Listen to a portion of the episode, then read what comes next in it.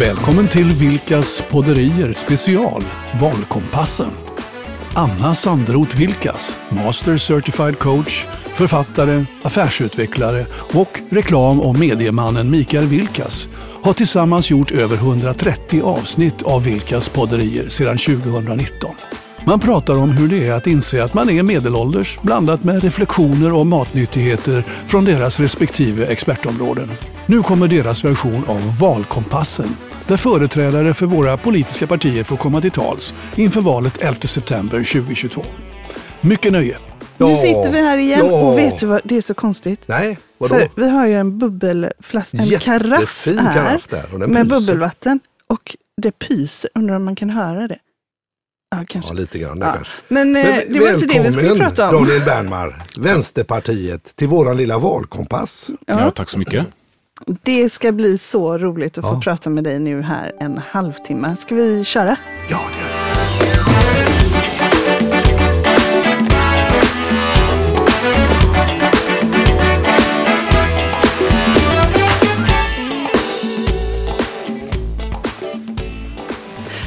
Ja men så roligt att få ha dig här. Det är bråda dagar för, eh, för dig tänker jag nu Ja.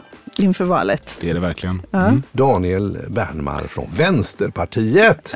Kul! Ja. Jätteroligt. Ja. Hur, hur kan en, en dag se ut så här i valspurten? Vad, hur går det till?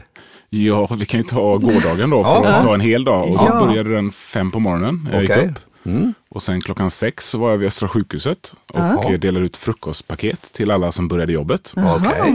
Och eh, efter att ha gjort det i en och en halv timme ungefär så var det direkt in till stan, ett kort möte för att samordna veckan som kommer tillsammans med andra partikamrater till mig. Ja. Eh, Och därefter var det en radiointervju eh, Okej. innan lunch. Mm, mm. Och sen var det kort förberedelse för att sen släppa våra vallöften i Göteborg. Okej. Och då gjorde vi det klockan vid fyra snåret på eftermiddagen ungefär. Mm.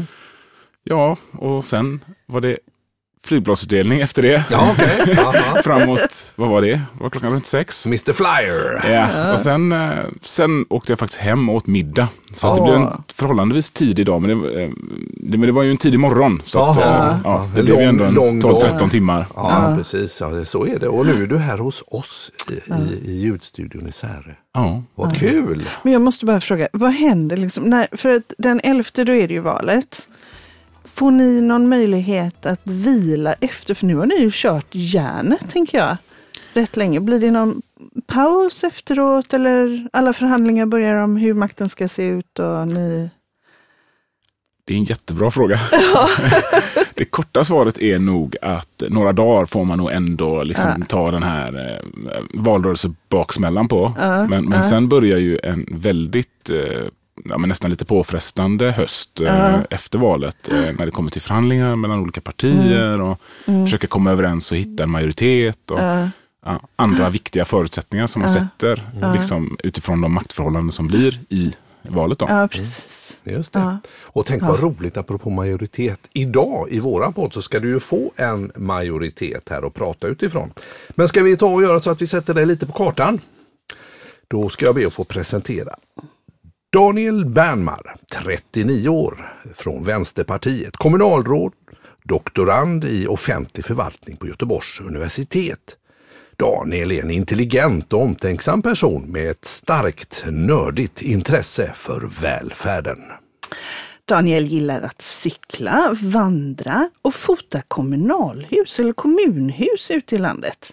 En gedigen, som sagt då, välfärdsnörd med ett stort intresse för detaljerna i hur kommuner fungerar. Daniel bor med fru och barn ute i sin absoluta favoritdel av Göteborg, Björkekär. Lite kär i Björkekär då, kanske, eller?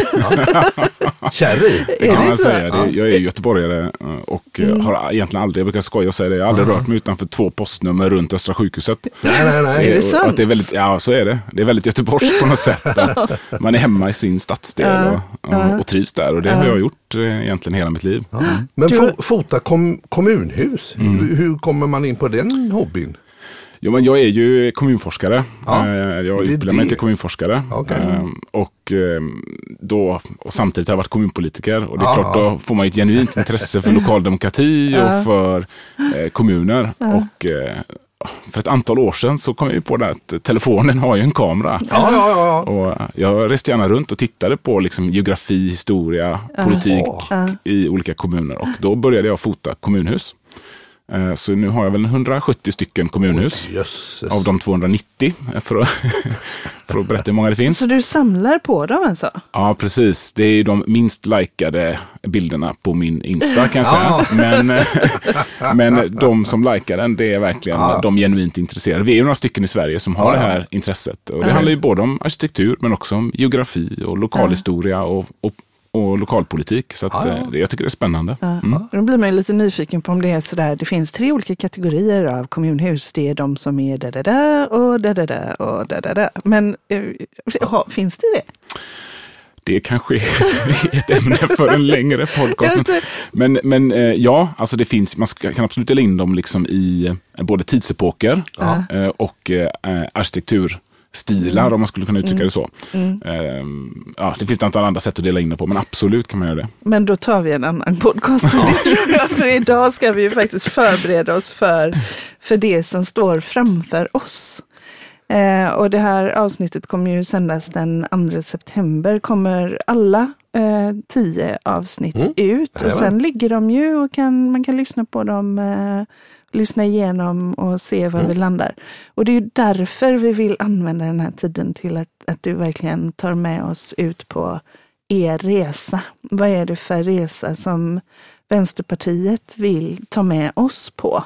Vad är det för samhälle eh, ni vill skapa och så? Mm. Och eh, vi, vi har ju anledningen att vi började med det här var egentligen att vi tyckte det var så svårt att förstå vad man ville. Det var, vi upplevde att alla partier pratade om vad alla andra gjorde fel, eh, vem som hade raserat och vilka konsekvenser man fick ta för den och dens beteende. Och så, där. Så, så vi vill verkligen bjuda in dig till att eh, ja, men måla Glänsa. upp den här Ja, och ja. glänsa. Ja, absolut. Mm, kul. Mm. Mm.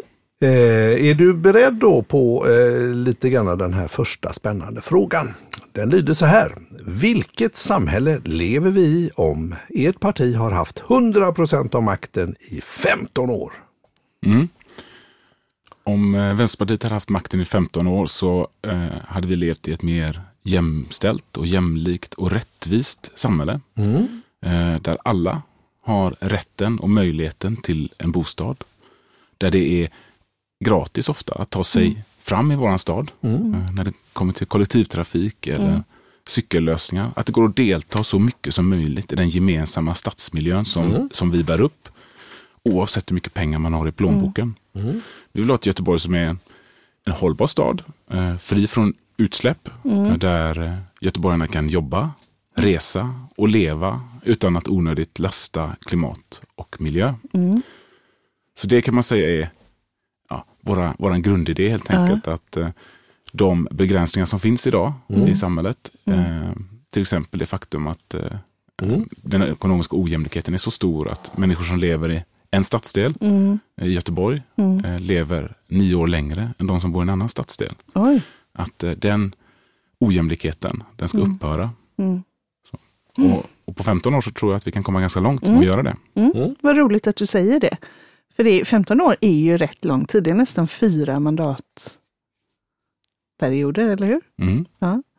Ja, nej men, och, och det här samhället då med, eh, med rättvisa och jämlikhet och, och eh, mindre påverkan på klimat och så vidare. Vad, vad har varit de viktigaste initiativen ni har tagit för att komma dit på 15 år?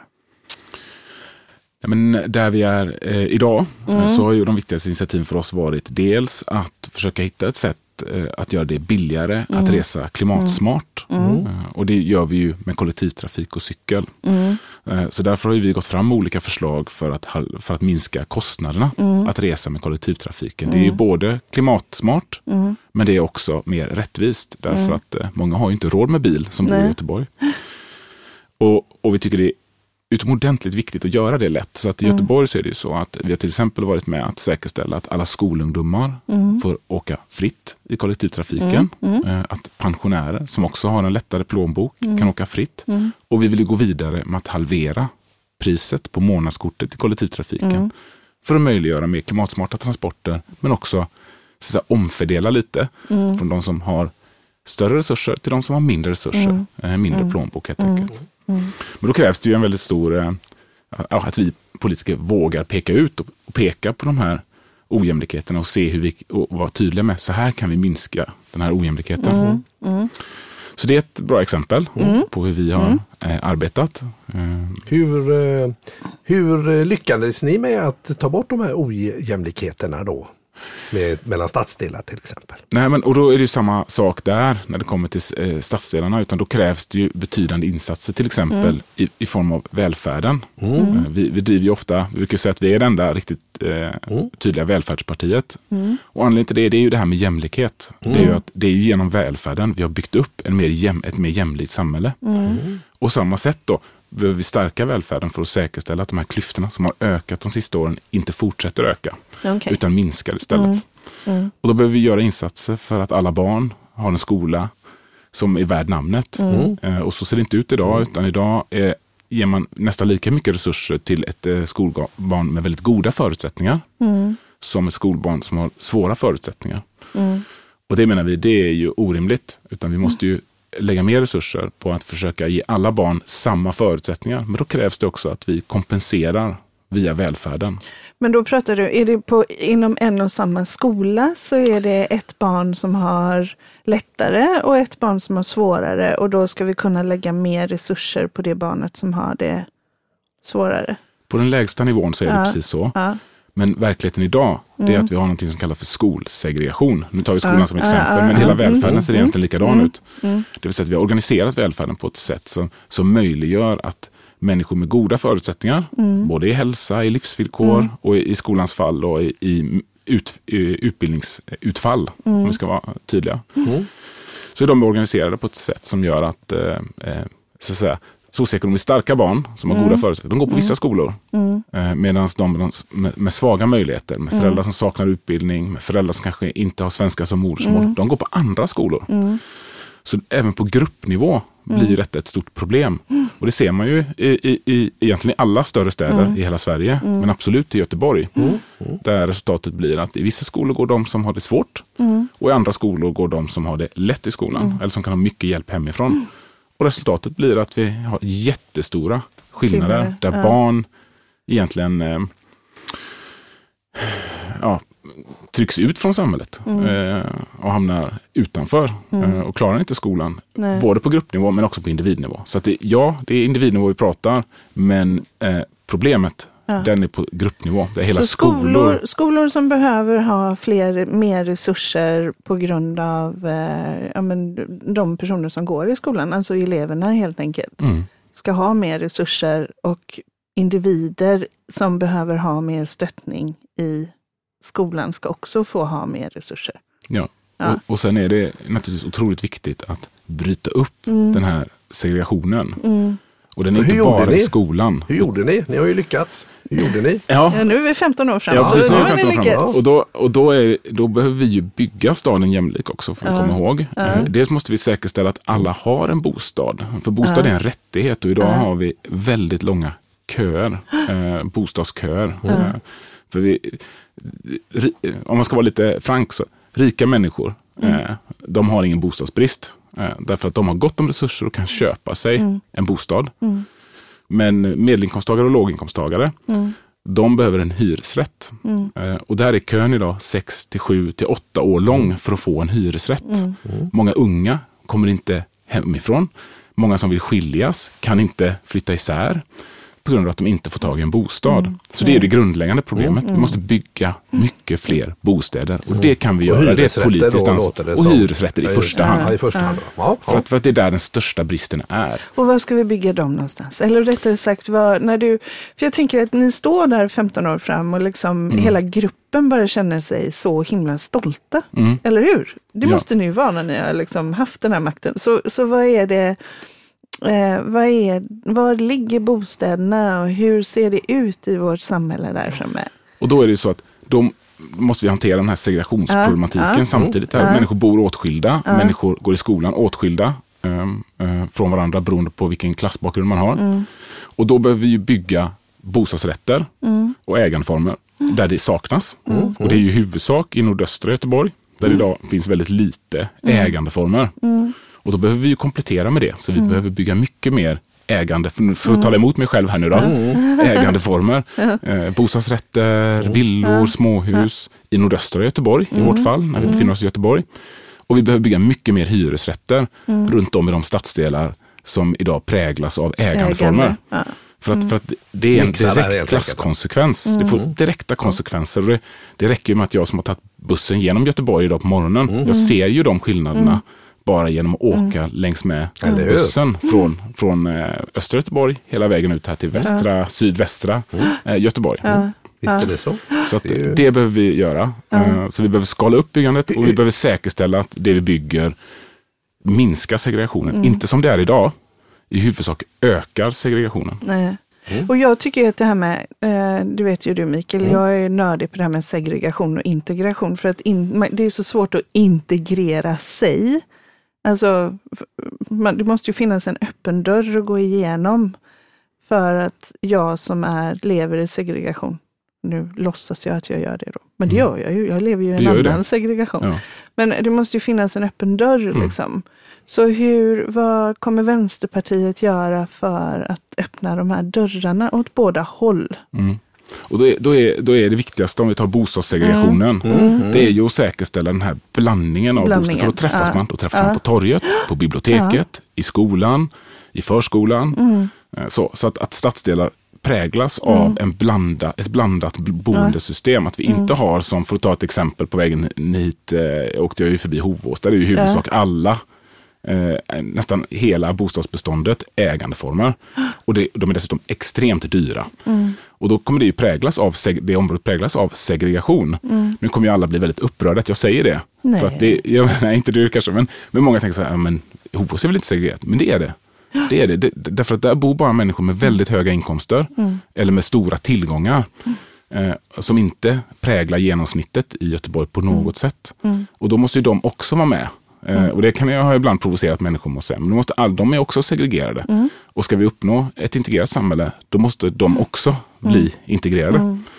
Lika mycket som de som bor i Bergsjön. hyresrätter till exempel då är Ja. ett smart sätt. Och de får, för det finns hyresrätter i det du nämner, Nya Hovås också, men jag tror de är ganska dyra också. Överhuvudtaget idag så är ju hyresrätter som är nybyggda ganska så dyra. Dyra, hö- höga hyror. Så är det. Så är det. Så då tänker du, om jag läser dig rätt här, att det ska byggas lite billigare helt enkelt. Alltså smartare på något sätt. Precis, Ja. det ska både byggas smartare Ja. men det ska också eh, byggas där, vi, där staten och, kommunen Mm. ger olika typer av stöd. Så har vi byggt historiskt. Vi kommer ihåg vi byggde eh, miljonprogrammet en gång i tiden. Mm. Då byggdes ju inte det helt på marknadsmässiga villkor som det heter. Utan det byggdes ju med att staten gick in med, med krediter och säkerställde att det här kunde byggas till rimliga hyror. Och det behöver vi återkomma till. Vi har ju gjort det här förut. Det är lite som att vi behöver uppfinna hjulet en gång till. Men vi har Så ju i göra praktiken byggt sådana här områden. igen fast eh, eh, Smartare. smartare och eh, på, på ställen där det, så att det blir lite mixat helt enkelt. Ja, alltså Ja. många av de tidiga, får vi komma ihåg, eh, eh, områdena som byggdes under miljonprogrammet, de byggdes på det här sättet. Fast i mindre skala då. Eh, till exempel där jag bor, eh, delar av Kortedala, Bergsjön. Och de delar som är tidiga, eh, Björkekär där jag bor nu, de är byggt blandade. Så de- det är byggt liksom att ena gatan är bostadsrätter, nästa gata är hyresrätter. Du och vi var- behöver återkomma till det.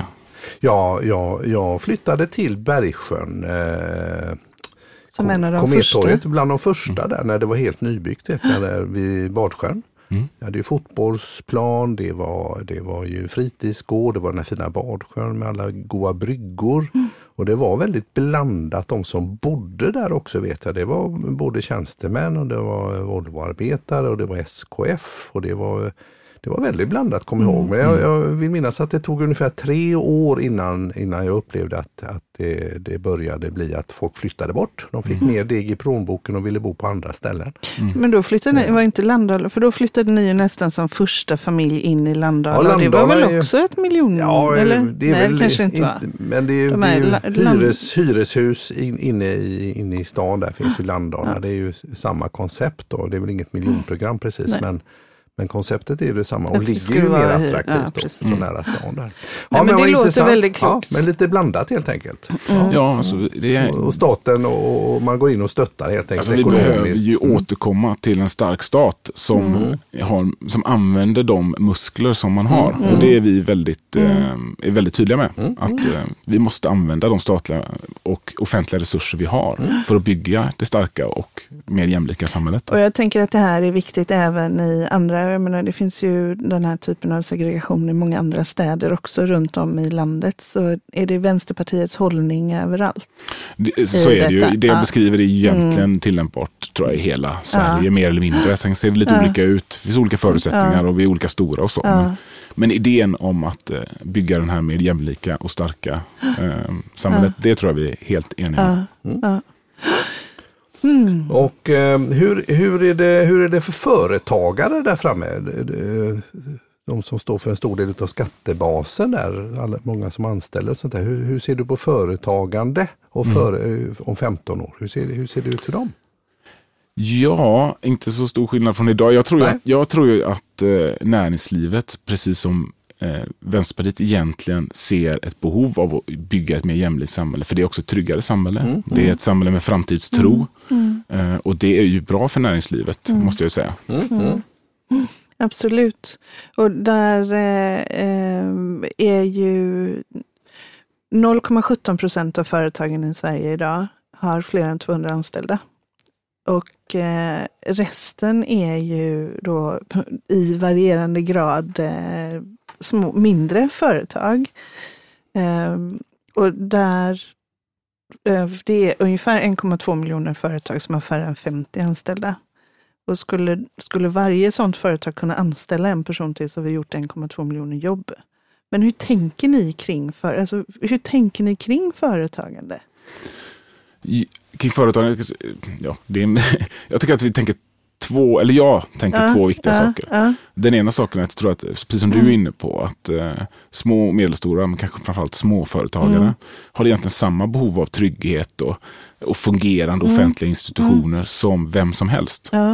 Eh, och där tror jag vi ibland glömmer bort hur utsatta många små företagare är. Eh, så. Och då är ju Vänsterpartiets politik att skapa en god grundtrygghet för alla. Och då inkluderar ju det små företagare som, som lever ganska utsatt, eh, jobbar mycket, låga inkomster oftast inledningsvis i vad man än gör egentligen. Även om det blir, man blir framgångsrik längre fram så krävs det den här grundtryggheten för att kanske för att våga satsa. Och då är ju Vänsterpartiet ett väldigt bra alternativ. Det andra Intressant. Ja. Ja, det andra jag tänker på är kopplat till det här att många småföretagare lever i ett lokalsamhälle. De lever, alltså de är kioskägare, de är eh, krögare, de, är, alltså de, de finns i ett lokalsamhälle. Och det glömmer vi ibland bort. Och det tycker jag också näringspolitik ibland glömmer bort. Det handlar om de här väldigt stora frågorna. ja, Eh, ofta kanske då inspirerade av Svenskt Näringsliv som jag är ganska kritisk till.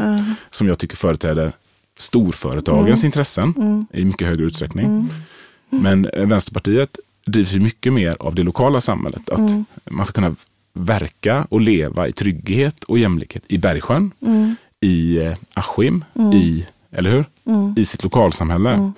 Och då tror jag att eh, vi ofta har ett gott samarbete med, med de företagarna. Vare sig de är eh, krögare på Vårväderstorget eller, eller eh, Torslanda torg. ja.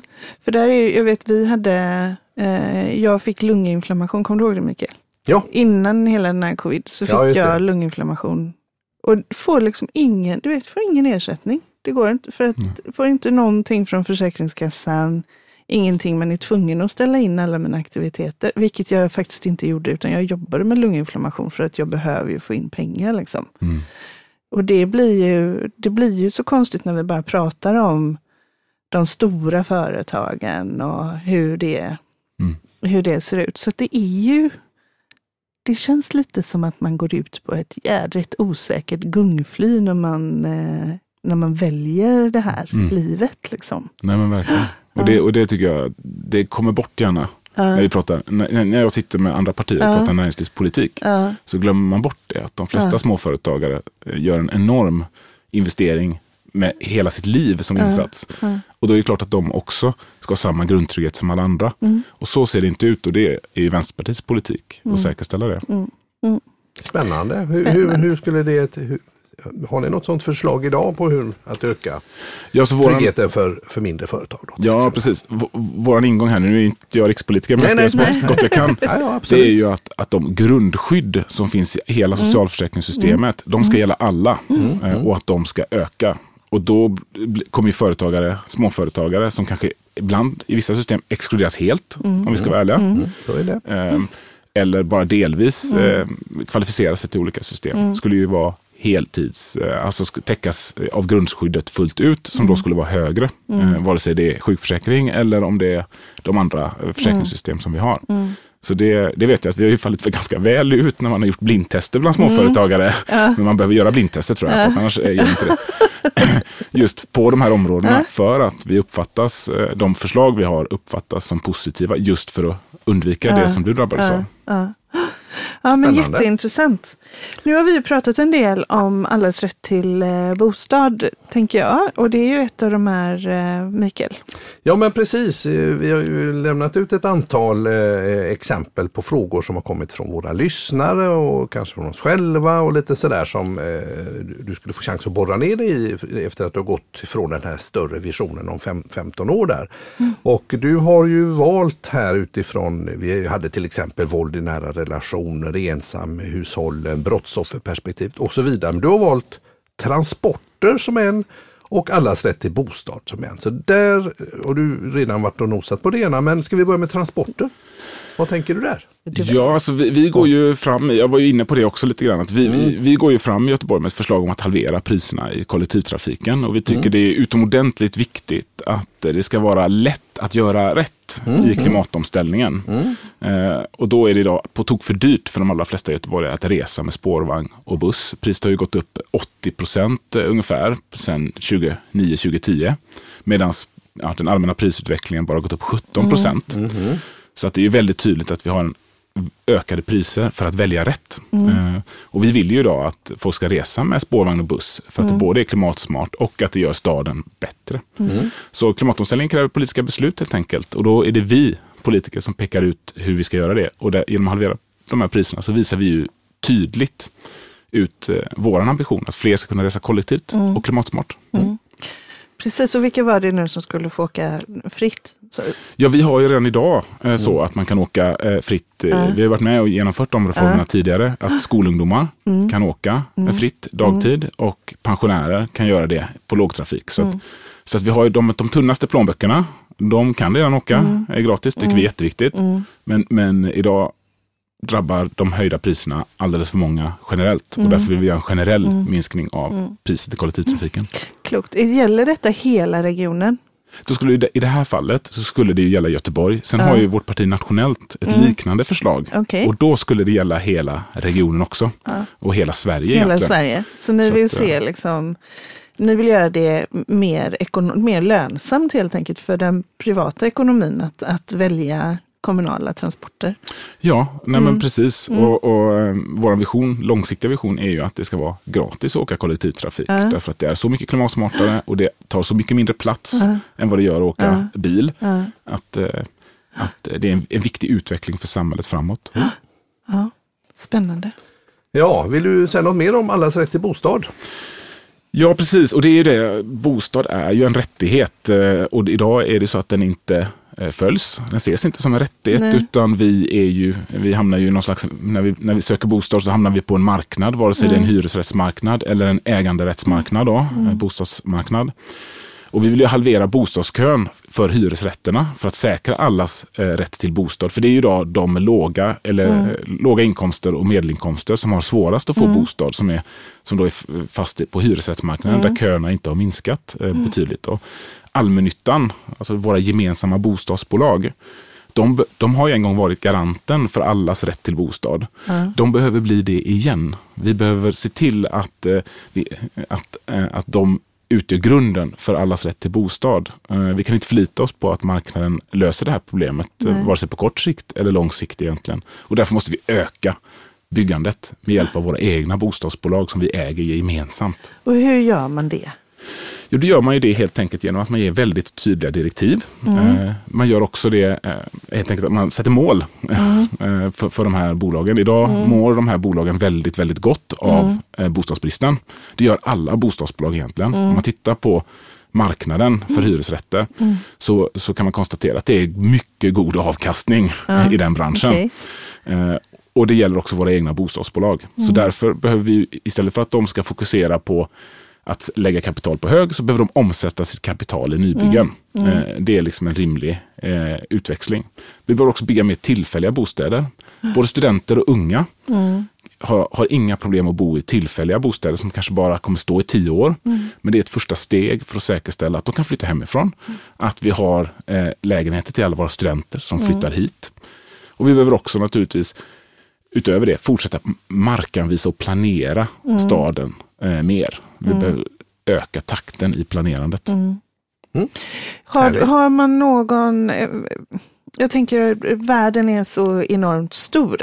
Finns det någon föregångare i det här? Hur man kan säkerställa, antingen i Sverige, någon plats i Sverige eller någon annanstans i världen där man har varit lite föregångare för att se till att det faktiskt finns bostäder till den som vill skilja sig eller flytta hemifrån eller eh, ja, men som äldre tänker jag kanske vill blir ensam och vill flytta någon annanstans. Mm. Har vi någon före, föregångare? Ja, så när det gäller så att, säga, att inte se, bos, eh, att se bostad som en rättighet så har Ja. vi oss själva som föregångare faktiskt. Eh, för det var ju Sverige? så vi byggde, ja, Ja. Ja. för det var ju så vi byggde bort den, när vi började se bostaden som en rättighet på Mm. eh, 20 och 30-talet och sen gjorde åtgärder på 40, 50 och 60-talet. Då, det vi gjorde då, det var att vi såg bostaden som, en rättighet. Och, och att marknaden var ett medel. Och när marknaden inte fungerade för att hantera eh, den situationen, vilket den inte gjorde på 20 och 30-talet, då vi levde i stora delar av Göteborg bestod av slumbostäder, om vi ska vara ärliga med hur det såg ut i Göteborg på den tiden. Och sen byggde vi bort det. Och då gjorde vi det genom att den starka staten gick in, gav subventioner, gav krediter, startade bolag. Alltså våra bostadsbolag, de allmännyttiga bostadsbolagen kommer från den tiden. För att säkerställa den här rättigheten. Så att vi kan titta tillbaka på hur vi själva har jobbat på 50 och 60-talen. Vad spännande. Då, då gör vi det tycker jag. Då så, det, tack så mycket min vän. Eh, då har kommit eh, fram till våra snabba ja nej passfrågor och de har du inte sett tidigare. Och det är möjligt att eh, någon av frågorna har du redan utav bara farten svarat på. Men spännande. eh, jag börjar den här gången och ställer fråga nummer ett. Kärnkraft? Frågetecken. Eh, nej. Man får utveckla om man vill. nej, men, nej, men det är en förlegad eh, teknik tycker jag. Eh, vi ska jobba framåt med hållbara eh, sätt att eh, skapa energi. Det finns gott om teknik för att göra det, som dessutom är billigare. Gratis kollektivtrafik. Ja. Motprestation till bidrag. Eh, eh, eh, ja, alltså det är redan motpress. Det finns redan i socialtjänstlagen. Så att det, det, det är en icke-fråga. Då är det en... Vad blir det? Blir det ja då eller blir det Eh, pass? Eller? Ja, alltså det blir väl pass. Eh, för, pass. Att, för att det blir Mm. lite, det, det, det är ju en, eh, alltså problemet idag är att det ges en bild av att man kan få några Mm. försörjningsstöd bara sådär. Det är inte sant, utan Mm. försörjningsstöd får man beroende på de behov man har. Mm. Är det så att man har till exempel arbetsförmåga, då förväntas man och ställs krav på Mm. Att man ska göra olika insatser för att få sitt försörjningsstöd. Om man inte har arbetsförmåga, då får man det ändå. Så att eh, det Mm. Ja. görs en behovsbedömning idag. Det är inget nytt. Gott. Eh, ska skolan förstatligas? Eh, Ja. Då har vi nästa och då är det ett, ett, ett förslag som, som vi har snickrat ihop här vid frukostbordet eh, och det gäller elpriser. Ja, okej. Det är ju så att det rasar in skatteintäkter nu när priserna är höga. Ja. Och här kommer ett förslag som lyder följande med frågetecken efter.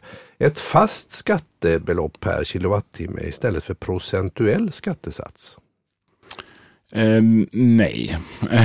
Men va? Då, eh, jag, ska, ska jag vara tydlig med, alltså det är inte skatten som är problemet med energi, det är vår energimarknad. Det är vår elmarknad som är en konstru konstruktion av eh, EU. Den konstruktionen, den går att göra om. Eh, och det är också det som är på tapeten idag. Och det, Vänsterpartiet har lagt ett förslag om vad vi kallar för Sverigepriser. Där man har en elmarknad för Sverige. För vi har ingen elbrist i Sverige.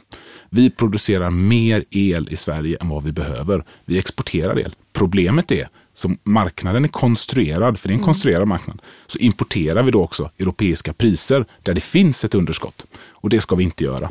Så att man behöver konstruera om marknaden. Det är inte skatterna som är problemet. Han har svarat på nästa fråga. Mm. Tror jag. Solidariskt, Solidariskt ja. elpris i hela Sverige. Ja, Ja, det är, precis, det är, det är, det är Vänsterpartiets förslag. Och, och då kommer vi ha betydligt lägre elpriser. Eh, Därför att vi har ett överskott på el i Sverige. ja gott. Eh, fri entré till museum. Ja, Fri och, det, och då vill jag bara säga, det, det är en kul- kultur, den mest grundläggande och i huvudsak skattefinansierade kulturen. Den ska vara tillgänglig för alla. Det ska inte vara en plånboksfråga. Och det har gjort till en plånboksfråga av princip. Därför att de intäkter man tar i inträde, de finansierar i princip ingenting av museernas verksamheter. Utan det gör vi gemensamt via skattsedeln. Utan det är en principsak att det kostar och det drabbar de med de absolut tunnaste plånböckerna. Fattigpensionärer eller arbetslösa och det är trist. Vi var i Washington DC för några år sedan. Mm. Eh, och då är det fri entré till alla museum. Mm. Det var ju helt fantastiskt. Det var ingen lek Det var det var alltså- grymma museer. Det var ju jättehärligt att bara gå och, Mm. och kunna gå och ta del av det. Så jag tänker även för turister så blir det ju ett värde. Mm. Eh, ska vi ha kommunala bolag som konkurrerar med privata företag? Eh, Ja, det ska vi ha eh, eftersom vi till exempel har bostadsbolag och det har visat sig varit väldigt lyckosamt, den svenska modellen, eh, där, där kommunala bolag är med och konkurrerar med privata bostadsbolag för att hålla uppe kvaliteten eh, i bostadsbeståndet. Men också säkra att eh, man inte tar ut övervinster. Och därmed, eftersom vissa varor är, inte, har inte en fungerande marknad. Nej. Och då är det viktigt att eh, det offentliga finns med och, och garanterar på ett sunt sätt, får, får man komma ihåg, att eh, marknaden, att den, så att säga, den inte helt välfungerande marknaden ändå fungerar. Ja. Tack. Och då är en följdfråga på det då. Jag tänker hotell, nöjesparker, eh, biltvättar. Hur ser du på det? Vi tog liksom alla exempel där. Eh, nej, men alltså Liseberg är ju ett unikum. Eh, eh, om vi tar det som exempel, Nöjesparken. Eh, är ju ett unikum som har gjort Göteborg till en av eh, norra Europas eh, viktigaste turistdestinationer. Eh, det har vi gjort med kommunalt ägande och det hade varit svårt att göra samma sak utan det kommunala ägandet. Så att det finns några unika exempel i Göteborg på där det offentliga tillsammans med näringslivet har åstadkommit någonting som inte hade gått att åstadkomma annars därför att alla pengar går in i verksamheten igen. Eh, Så, att, så att eh, det är lite unikt och eh, jag tycker det är ett gott, gott exempel på när näringslivet och det offentliga kan samarbeta för att göra en stad bättre. Gott. Då ska vi se här, är det du eller jag som... Det är du som frågar nummer nio. Nummer nio där, underlätta för mindre och medelstora företag att anställa. jag, jag vet inte, underlätta att anställa, jag vet inte riktigt vad det är. Eh, det, det är klart att det ska vara lätt att anställa. Ja, men ja, det beror lite på vad det innebär. Ja, precis. Nej, men vi lite- tänker nog att det är så här. Det är, eh, säg, att vi anst- säg att vi skulle anställa eh, någon och så blir den personen sjuk och så ska vi betala sjuklön i två veckor och så ska vi Ja, betala... okej. Ja, men det är jättebra. Det blir väldigt Då, dyrt. då, då, och då är svaret en stor ja, direkt. Mm. Om, det, om det är till exempel sjuklönesystemet. Alltså det eh, finns där- ju så här, det ja. finns ju trösklar för... Och då ska vill vi, vi... vi vill ju att de trösklar, att, att eh, eh, då är vi ju tydliga med att små, till små företag ska ju undantas från de här två veckorna. Mm, okej. Intressant. Eh, tanka fossila bränslen efter 2030. Nej. Lokal fråga då, eh, som har kommit i gruppen Bara i fe- Facebookgrupper, men det här kan nog tillämpas på fler platser, säkert i Torslanda och kanske Bergsjön också, vad vet jag. Eh, bilar med två eller fler passagerare får köra i en bussfil, i detta fall då på 158. Eh, nej. Och, och, och, och då är det så här att eh, det är vi måste komma till ett läge där fler väljer andra eh, transportmedel än bil. Mm.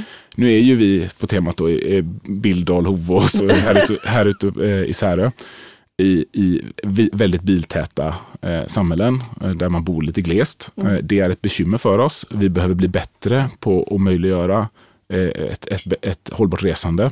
För hållbart resande är ju inte bara Eh, att ha en elbil till exempel och därmed är koldioxidutsläppen borta. Mm. Utan det är också ett fysiskt utrymme, mm. får vi komma ihåg. Och när, när vi går allt mer mot en storstad eh, i Göteborg så hamnar vi också i ett läge där den fysiska platsen tar slut. Mm. Och det måste vi våga prata om. Vi kan inte mm. säga allt åt alla. Eh, det, det, det, brukar jag bli anklagad för att mm. jag gör mm. eh, som vänsterpartist. Men, men här tycker jag att eh, kanske många andra partier och företrädare har svårt att inse att ja, matematiken går inte ihop om man så, hela tiden ska bygga ut vägar. Så det ska vara bostäder där det är parkeringsplatser? Det ska, vara, det ska vara, eh, vi ska bygga bostäder längs med leder där vi kan säkerställa mm. en fungerande kollektivtrafik och där, där, man har goda cykelkommunikationer. Mm. För kom ihåg med elcyklar mm. så möjliggör det fler, mm. att fler kan cykla. Jag är själv mm. en cyklist mm. sedan många år tillbaka. Eh, så, att, så att vi behöver hitta sätt att, att bygga staden eh, hållbart, både klimatmässigt men också ytmässigt. Så. Bra. Då undrar vi nu med tanke på valet, vad är det absolut viktigaste för er att fokusera på just nu och framåt? Nej, men eh, det allra viktigaste för oss är ju att eh, stärka välfärden, att mm. säkerställa att fler får den här bostaden, att stoppa bostadskrisen och att inleda en rättvis klimatomställning. Så det är ju mm. våra tre frågor som vi driver nu ja. Eh, och som vi hoppas få gehör för efter valet också. Gott! Då så, då har vi en stående punkt i programmet som, eh, som heter veckans visdomsord. Och nu ska du få vända dig till lyssnarna och helt enkelt svara på frågan varför vi ska rösta på just ert parti lokalt, regionalt och riks. Och här kommer veckans visdomsord. Du ska rösta på Vänsterpartiet för det är det enda partiet som tror på ett jämlikt, jämställt, hållbart och rättvist samhälle. I kommun, region och riksdag så tar vi strid för vanligt folk, att de ska ha mer inflytande över sina liv, att alla, även de som jobbar i välfärden, ska ha en bra arbetsmiljö med kortare arbetsdagar, att lönerna ska gå upp för de som sliter i välfärden så att fler vill arbeta där, att bostäder finns till för alla och att klimatomställningen prioriteras högst och snabbt med en stor reform och investeringsagenda. Och det var veckans visdomsord. Det du. Eller dagens visdomsord. Dagens visdomsord får vi säga. Vi många veckor kommer det vara framåt här. Ja, härligt. Vad kul att ha dig här. Ja, verkligen. Nu undrar jag, nu har vi ju fått med oss massa härifrån, eller mm. hur ja, Mikael? Absolut. Saker som vi inte visste. Och jag hör ju Vänsterpartiet här mycket om faktiskt för företag, mindre mm. företag som mm. inte jag har hört tidigare, Nej. som inte har kommit fram. Mm. Det kan man ju fundera på. Det är det som är så skönt med mm. det här att de får prata färdigt. Eller hur! det tycker jag också är roligt. Alltså, det blir svårt Men vi tar med oss massa. Vad tar du med dig från den här stunden, Daniel? Jag tar med mig kanske precis det, att det är kul att få prata positivt mm. eh, om vad man vill åstadkomma mm. och öppna och ärliga frågor som ger öppna och ärliga svar. Mm.